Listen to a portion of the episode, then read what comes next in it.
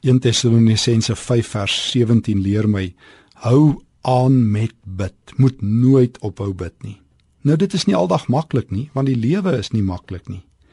Ek onthou ek het eendag die verhaaltjie gelees van 'n persoon, 'n sendeling wat in iemand vasgeloop het wat niks van die Here wou weet nie. Die persoon het vir hierdie sendeling gesê: "Ek kan nie in God glo nie want ek was in Auschwitz." Hierop het die sendeling geantwoord: "Ek kan wel nog in God glo want ek was intussen ook by Golgotha."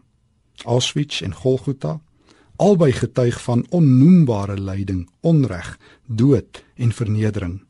Die seun van God op die hout ter duisende, ja, miljoene mense in konsentrasiekampe. Maar daar's 'n verskil. Golgotha se storie eindig nie in totale wanhoop nie.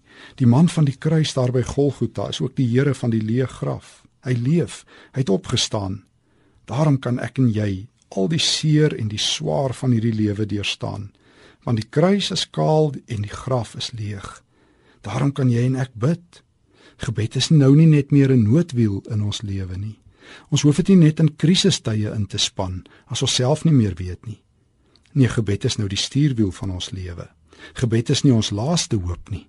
Dis ons enigste hoop. Gebed is nie die laaste uitweg nie. Dis die eerste opsie. Daarom praat ons met ons Vader in die hemel as die son skyn, maar ook as die onweerswolke saampak. Ons bid as ons bly is en as ons huil.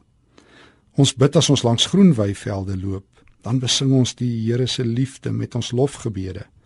Maar as ons die slag deur 'n diep donker dal worstel, dan soek ons ook die Here se aangesig. Gebed verplaas ons elke keer na die troonsaal van die Allerhoogste. Dit bring hemel en aarde op die regte maniere met mekaar in verbinding.